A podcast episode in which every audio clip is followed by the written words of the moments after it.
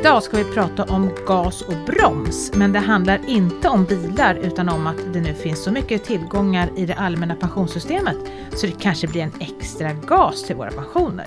Mer pengar alltså, det är ju jättebra. Det låter nästan för bra för att vara sant. Här i studion hos oss idag finns Ole Zettergren från Pensionsmyndigheten.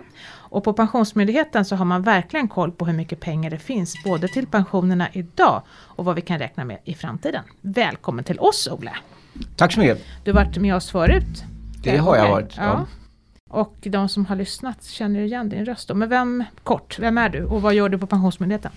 Ja, jag är analyschef på Pensionsmyndigheten och är chef för den avdelningen som sysslar med policyanalyser och en del administrativa analyser också. Mm. Och nu har ni grottat ner er i det här då, att det finns mycket pengar i pensionssystemet. Precis. Härligt. Gas och broms, eller mer korrekt uttryckt så brukar man prata om balansering. Kanske inte så lätt att förstå vad det är vi pratar om. Ska vi gå igenom vad som egentligen finansierar våra statliga pensioner? Det är kanske inte alla som har koll på det.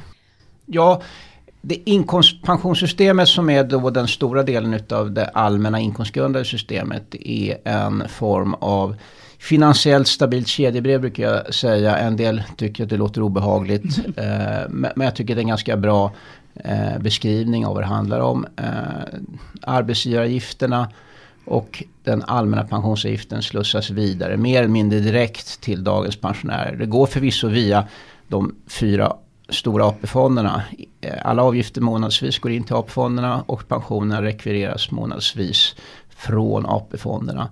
Eh, skillnaden mellan avgifter och pensionsutbetalningar hamnar i AP-fonderna.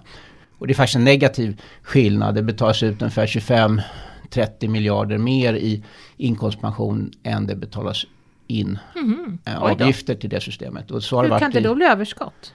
Ja, det är en intressant eh, fråga och enkelt att svara på egentligen. För det har varit väldigt bra avkastning ja. på AP-fonderna.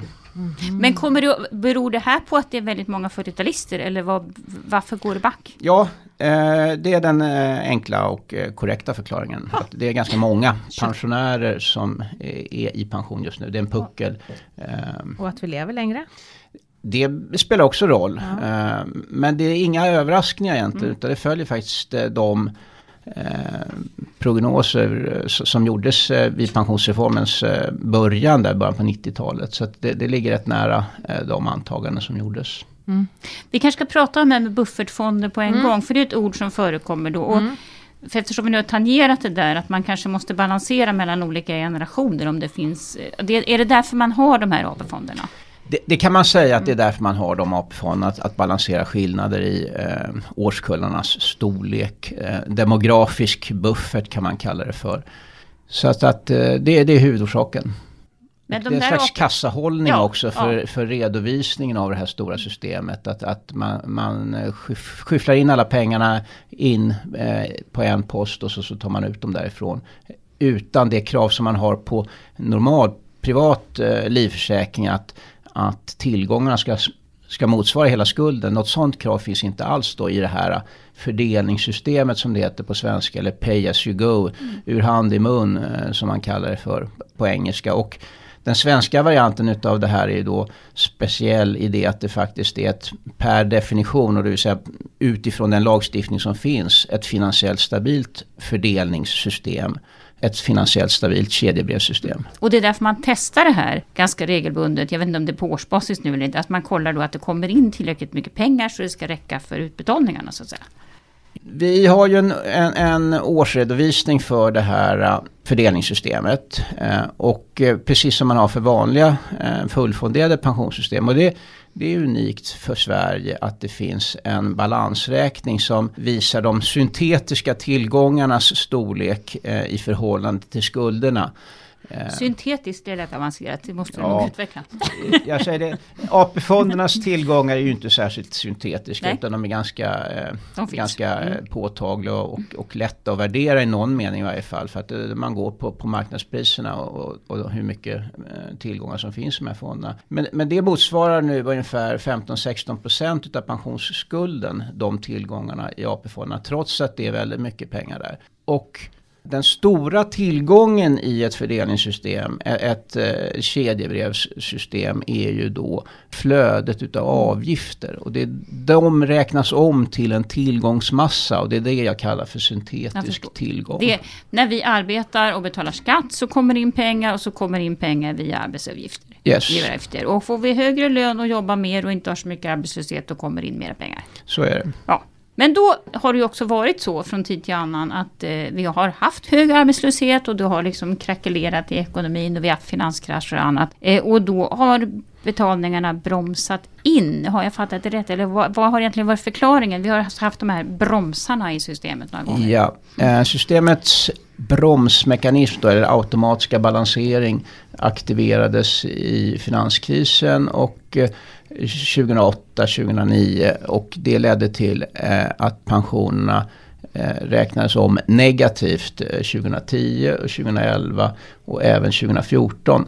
Eh, sen medförde balanseringen, för den finns ju en återställningsfunktion i den här balanseringen också, att, att det blev högre eh, pensionsomräkningar de andra åren ända fram till 2018 då den här balanseringsapparaten stängdes av. För då var man tillbaks på den nivå av, på pensionerna som skulle ha varit utan någon, någon bromsning. Så man kan säga att kommer man tillbaks till den nivå man skulle ha varit på så, så visar det sig att den här balanseringen var onödig.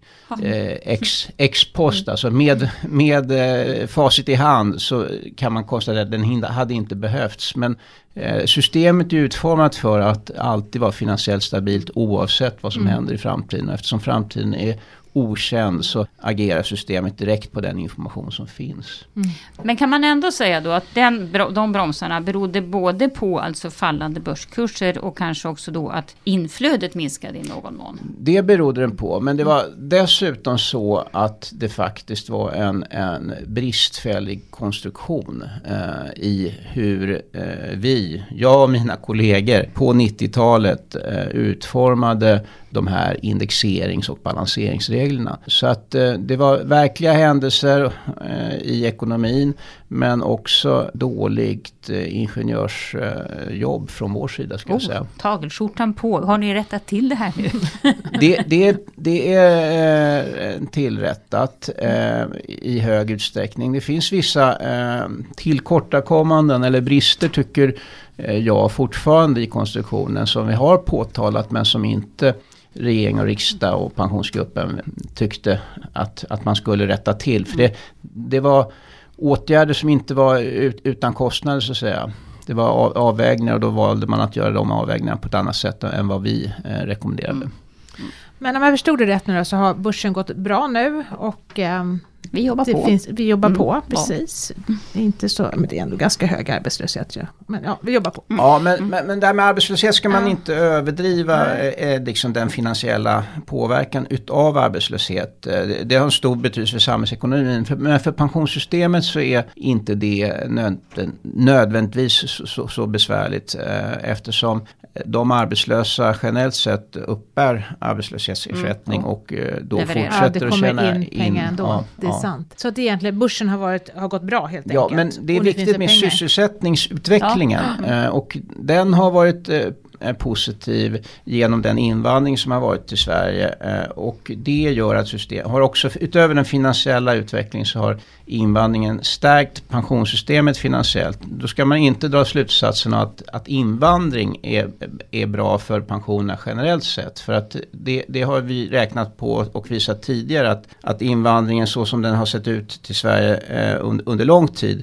kommer medföra belastningar för hela det, pensionssystemet eftersom kostnaderna för garantipension och bostadstillägg eh, kommer att öka. Och det är en större belastning än den, den tillskott som sker i inkomstpensionssystemet. Men det de betalar in i skatt och så, det är ju bra för pensionssystemet. Och är det bra att vi blir fler och fler i Sverige helt enkelt? Alltså det är bra för inkomstpensionssystemet ja, ja. men det behöver inte vara bra för pensionssystemet Nej, totalt sett. För då måste livsinkomsterna för de som invandrar eh, vara på en tillräckligt hög nivå. Och det har de inte varit hittills, generellt sett. Nej. Men gasen nu då? Den är alltså AP-fondernas förtjänst, eller? I huvudsak så är det den höga avkastningen eh, på, på AP-fonderna. Men, men även det faktum att sysselsättningen har ökat. Ja, och då kommer frågan. Ja. Vad ska vi göra nu?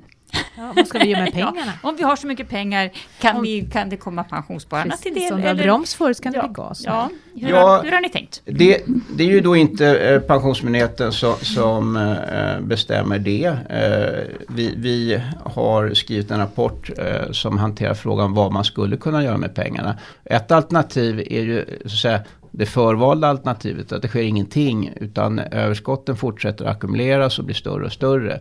Eh, det är det som kommer att hända eh, om det inte blir någon eh, negativ ekonomisk utveckling och om inte lagstiftaren, riksdagen, bestämmer att de här pengarna ska användas på något visst sätt. Men det blir inte jättemycket pengar till slut då? Jo då, det blir, det blir enorma risken, eller ja, man pengar. kanske inte ska säga risken, men, men det finns ju en möjlighet att det, att det skulle bli väldigt mycket.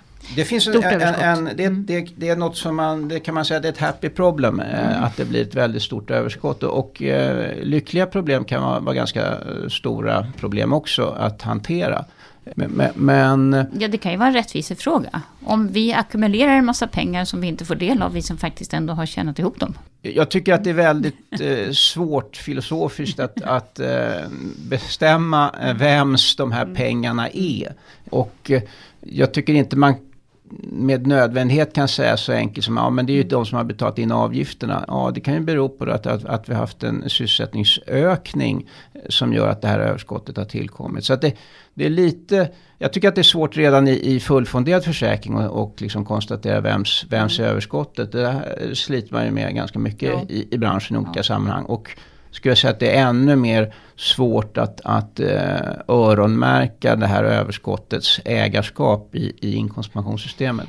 Men, men som du sa då, om man tänker sig traditionella försäkringar och sånt, då finns det i alla fall en tanke. När man når över ett visst mått av värdeökning så säger man att då ska man fördela pengarna. Men här finns alltså inget tänk kring inkomstpensionen, hur, hur det ska fungera när man har ett stort överskott. Det, det eh, finns eh, antydningar till hur man ska eh, agera som uttalades utav lagstiftaren i, förarbetena till balanseringsreglerna om att det, att det skulle utredas frågan hur ett överskott ska fördelas och att inriktningen på en sån utredning ska vara att det ska tillföras pensionärer och pensionssparare. Eh, och det gjordes en sån utredning, ut, utredningen utdelningsbara utdelning av eh, utdelningsbara överskott i pensionssystemet. Eh, jag tror den kom 2004. Eh, och den föreslog ju att om tillgångarna överstiger skulderna med 10% så ska man börja eh, öka indexeringen av pensioner och pensionsspararnas pensionskonton med det överskott som finns. Så att om det är 111% tillgångar så kommer man öka indexeringen med 1% så Ja. att man hela tiden drar ner eh, överskottet till, till max då 10% eh, utöver skuldernas Är, är vi där snart, undrar man ju då. Ja det är vi ju eh, eftersom det, den senaste redovisningen utav inkomstpensionssystemets eh, ekonomiska ställning eh, hade ett överskott på 8%. Så att det är enligt pro, våra prognoser som, som jag säger i stort sett alltid är fel. För prognoser är i stort sett alltid fel. eh, Så kommer man att vara på nivån eh, 10% redan 2023. Ja, okej. Men då, då, alltså vad ni är ute efter nu är egentligen att ni vill, ni vill att politikerna ska bestämma hur man ska agera i det här fallet. Är det så? Jag skulle inte tycka riktigt så, Nej. så eh, konkret. Vi tycker att det är vår uppgift att eh, redovisa eh, situationen, påpeka, det har vi gjort ganska länge, men, men lite mera med eftertryck att vi är i en situation där det finns ett överskott i inkomstpensionssystemet. Det har ju ofta varit tal om att det var tvärtom, att det var underskott, det är underfinansierat och så vidare. Och bara den felaktiga beskrivningen som egentligen handlar om att man, man tycker att pensionerna är för låga men som uttrycker man det felaktigt som att det skulle vara ett, ett eh, Underfinansierat. un, underfinansierat system. Det är det inte. Och, och eh, nu när vi nästan är på den här nivån som då en, en tidigare statlig utredning eh, har pekat ut som lämplig för att börja dela ut överskott så tyckte vi att det var dags att, att putsa upp tankarna kring de här sakerna. Men vi, vi, vi har ingen eh, rekommendation till lagstiftaren utan vi tycker att det finns olika alternativ. Vi, vi tror dock att det vore bra att lagstiftaren uttalar eh, hur man vill ha det med det här överskottet. Även en, ett, ett, eh, så att säga, inriktning om att man inte gör någonting eh, för att man ser tiden an. skulle kunna vara eh, bra tror jag. Mm. Vilka alternativ finns det? Det är antingen betala ut pengarna, antar jag då? Ja, och då finns pengarna. det ju väldigt många olika sätt att göra det på kan ja. man säga. Det, det är stort det ja. handlingsutrymme. Jo, men man, man, kan, man kan till exempel använda överskott för att, eh, för att garantera eh, att det inte blir nominella minskningar mm. utav inkomstpensionen. Det kan ju vara så att man har ett stort överskott men inkomsttillväxten i Sverige blir mindre än de här förskottsräntan på 1,6 procent och då kan det bli... Eh, broms. Då kan det bli, ja ingen broms utan det blir bara en väldigt låg eller negativ ja. omräkning. Och man skulle kunna eh, garantera att det inte blir några negativa omräkningar mm. till exempel. Så det är en slags av, av mjuk överskottshantering mm. som vi tar upp i rapporten. Och sen kan man ju hitta på lite olika sätt att dela ut överskottet mm. utöver den eh, metoden. Men eh, sen och, ju... sen, sen, nämner vi också att en möjlighet är ju att föra över pengar till, till, till, till statsbudgeten också. Eh, om, om eh, det är det som lagstiftaren mm. Eh, skulle föredra. Rent, for, rent formellt, vems är pengarna? Ja, det är statens. Det är statens, just det. det är inte, pensionsspararna kan så att säga inte säga att det är våra pengar, utan det är statens pengar tills de betalas ut. Eller, ja. ja alltså, re, rent formellt så är ju tillgångarna i AP-fonderna mm. ja. statens. Ja. och, och det är staten som förfogar över de här eh, medlen. Mm. Intressant. Ja. Men ni har ju också nyligen kommit med en rapport eh, om det här med förskottsräntor. Eh, mm. Alltså hur man då, som du sa, man drar av egentligen 1,6 procent varje år från pensionen eftersom man så att säga får lite mer pension i början av sitt liv och lite mindre i slutet. Och då har ju ni ändå lite gärna flaggat för att det kanske är lite för stort, alltså att det borde vara en lite bättre flöde över tid så att även äldre pensionärer kan få så att säga någon slags löneökning. Här har ni också snuddat vid en tanke att man kanske skulle använda överskottet för att kompensera om man nu, för om man nu skulle ändra på den här kurvan, då skulle man egentligen få lite mindre mindre i början och lite mer sen. Men det är klart det här att få lite mindre i början kanske inte skulle kännas jättetrevligt. Eh, så att du har, ni hade en tanke där om att man skulle kunna så att säga, överbrygga den här förändringen genom att pynta lite mer pengar. Kan du utveckla? Så, så är det och, och, det var apropå att det fanns olika sätt att hantera ett överskott. Och om eh, riksdagen skulle vilja minska förskottsräntan eh, och samtidigt eh, undvika den eh, eller minska den försäkringsmässigt korrekta nedräkning utav eh, pågående pensionsutbetalningar som krävs eh, vid en minskning av förskottsräntan om den här operationen ska vara försäkringsmässig så kan man eh, hantera det genom att tillföra det överskottet i samband med förändringen utav förskottsräntan så att inte det blir någon minskning alls eller att den blir mindre kännbar. Eh, det, det, går att hantera. Det skulle ju dock inte hantera det faktum att en lägre förskottsränta minskar ingångspensionerna för nya pensionärer. Mm. Och med rätt mycket hör jag för mig. Ja, det är, med, ja. det är med, beroende på hur mycket man sänker förskottsräntan. Ja. Men skulle man ta bort förskottsräntan helt och hållet så sänker det ingångspensionen med kanske 18, 18 vid 65 års ålder för, för inkomstpensionen. Mm, Å andra sidan så får man ju då en, en 1,6% bättre eh, omräkning eh, utav inkomstpensionen mm. alla år som pensionär. Löneökning med andra mm. ord. Men det här har vi haft ett poddavsnitt ja, om. Så att det. blir man nyfiken på det här så ja. leta reda på det. Men om vi nu skulle säga då att man får, du sa om det blir 11 procents överskott så skulle man dela ut 1 procent. Då, skulle, alltså, då kan man säga då skulle man få 1 procents löneökning på sina pensioner.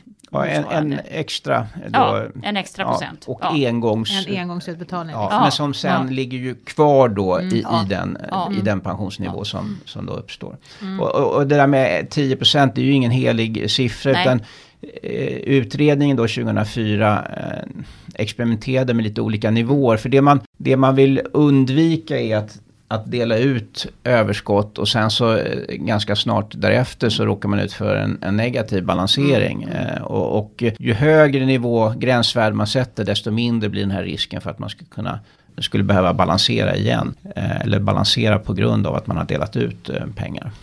Det är ju som det är i traditionella försäkringar. Ja. Alltså, det har ju funnits återtag i traditionella ja. försäkringar också. När man ja. helt enkelt har tyckt att det finns för lite pengar i kassan och då, då får man mindre pengar. Men det är några år sedan nu, tack och lov. Men det kan ju hända igen. Men en sista fråga då. Um, den här gasen den måste väl ändå gynna statsfinanserna också kan man tycka. Antingen att man tar pengarna direkt och gör något kul med dem. Eller också att om pensionärerna skulle få det lite bättre så skulle väl det ändå minska utbetalningarna av garantipension och bostadstillägg och sådana här saker också. Så att det, det ser ju rätt bra ut, eller? Ja, eh, det, det, på det sättet det skulle ju öka eller minska statens utgifter mm. för garantipension och bostadstillägg och äldreförsörjningsstöd och så skulle det öka lite eh, skatteinkomsterna också. Så att eh, pengarna där eh, kommer ju tillfalla delvis även staten eh, om man eh, delar ut dem i form av högre, högre indexering av pensionsutbetalningarna och intjänade pensioner. Dock så är ju om, om man gör det här symmetriskt och, och höjer indexeringen både för pensionssparare och eh, pensionärer så hamnar de, för, de mesta pengarna på pensionsspararnas konton och eh, leder då inte till till eh, högre pensioner eh, till den delen. Det är ungefär eh, två tredjedelar utav hela pensionsåtagandet som är till de som är förvärvsaktiva och en tredjedel som är till pensionärerna. Lite mer än en tredjedel, 40 procent ungefär. Men då skulle vi komma, alltså den här, det finns ju en debatt om att man ska höja avgifterna till pensionssystemet. Då kanske man kan mm, pytsa på med lite gas istället. jo men det, det, är en, ett, ett, alternativ, mm. Eh, ett alternativt sätt att höja pensionen. Ja. Spännande, får vi se vad som händer i framtiden då. Det blir någon gas eller inte. Ja, men ja. vi får vänta till åtminstone 2023 om jag fattar det rätt. Ja, alltså det kommer nog behöva väntas längre för att eh, skulle det ske någonting här så krävs det en lagstiftning om detta och den eh, processen tror jag tar, mm. tar längre tid ja. än, så. Mm. Vi får vänta på något gott som det heter. Mm. Tycker du att vi har missat något, något viktigt i det här? Någon aspekt som vi har Ja, det finns, det finns väldigt många aspekter på detta eh, mm. tycker jag. Som man skulle kunna eh, djupa i faktiskt. Vi får återkomma till det då. Mm. Men egentligen, huvudbudskapet är ju egentligen, eller vill du säga något? Låt oss, Nej, men, men eh, det, det vore, tycker jag, väldigt äh, välgörande med en diskussion och, äh, och, och, debatt om, om detta. Äh, så att, Hur har lagstiftarna reagerat på rapporten? Har ni fått någon återkoppling? Nej, det har vi inte fått. Mm. Den kom ju rätt så uh, nyligen. Mm, har haft lite annat att göra. Men, ja, de har haft lite annat för sig. Ja. Ja. Ja. Det har varit jul också. Mm. Ja, men det är kul mm. att lyfta det här. Ja, när vi spelar in den här podden så har ju ändå börskurserna börjat vika lite neråt. Och det skulle inte ha någon avgörande betydelse, tycker du, för det här scenariot? Nej, eh, utan det krävs nog eh, större fall än så. Ja. Mm. Tack för att du kom hit idag Ola. Tack. Spännande att få höra mer om gasen som kanske kommer.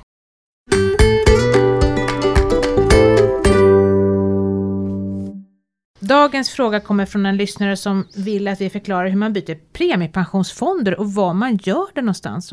Ah, jag ja. har faktiskt ingen koll på det. det nej, men det, det, är inte helt ovanligt har jag upptäckt. Eh, och det är klart att jag när PPM, alltså Premiepensionsmyndigheten, blev en del av Pensionsmyndigheten, eh, så var det väl så att Pensionsmyndigheten har ju så mycket annat att hålla på med, så det kanske inte blir fullkomligt uppenbart när man loggar in där, att man även byter fonder på Pensionsmyndighetens Så man loggar alltså hemsida. alltså in på Pensionsmyndighetens ja. hemsida och sen så går man då till Ja, man går till sina egna uppgifter och ganska långt ner. Eh, och där kan man även se hur eh, fonderna har utvecklats över tid. Det tycker jag absolut mm. att man kan gå in och göra som en regelbunden koll och se ungefär hur det, hur det funkar. Om man då ligger i AP7, alltså man har aldrig gjort någon mm. ändring. Eh, hur många fonder kan man ha? Man kan ju ha fem fonder ja. Eh, och det går ju att byta egentligen när som helst. Och då fördelar man det i procent, alltså man funderar på hur många procent jag vill ha hit och dit. Mm. Och sen när det kommer nya pengar, då kommer de pengarna att fördelas utifrån det fondval man någon gång gjorde. Så sa man att man ville ha 10% mm. i någon fond, då får man 10% även om värdeökningen kanske har gjort att man har mer i den fonden mm. just nu. Mm. Sen kan det ju vara så om, om jag aldrig har gjort uh, det här tidigare så, så det finns ju väldigt många fonder om man kommer in där. Ja. Det kan kännas nästan som att man vet inte vad man ska titta. Hur, finns det liksom något sätt att Jag tycker inte man ska gripas av panik. Utan man kan sortera. Det finns mm. väldigt bra sorteringsverktyg mm. tycker jag. Det finns bra information. Jag tycker att faktiskt Pensionsmyndigheten är ett bra föredöme just när det gäller att informera om hur det funkar med fonder. Och man kan även kolla, som det är populärt nu, och kolla om de är hållbara och mm. inte. Så att det finns bra neutral information om fonder som man faktiskt kan använda på annat håll också. Man kan välja bort klusterbomber. Ungefär så. Ja. Det är bra. Då hoppas vi att eh, den här personen då faktiskt tar sig i kragen och går in och byter och tittar. Eller på, åtminstone kollar hur det ser kollar ut. Hur det ser ja. ut precis. Och det var allt för oss idag. Tack för att du har lyssnat. Min Pensionspodden produceras av Min Pension som är en oberoende tjänst i samarbete mellan staten och pensionsbolagen och som ger dig bättre koll på dina pensioner. I dagens program deltog Ole Zettergren från Pensionsmyndigheten, Kristina Kamp och så jag, Maria Eklund från Min Pension. Fler poddavsnitt hittar du i kanaler där poddar finns. I Min Pensionspodden pratar vi alltid om pensioner, men vinklingarna är många och ofta deltar en spännande och kunnig gäst, precis som idag. Om du har förslag på poddämnen, en gäst kanske, eller om du vill ställa en fråga till oss, så kan du mejla oss på poddatminpension.se Jag hoppas såklart att vi snart hörs igen. Ta hand om dig och din pension till dess. Ha det så bra, hej!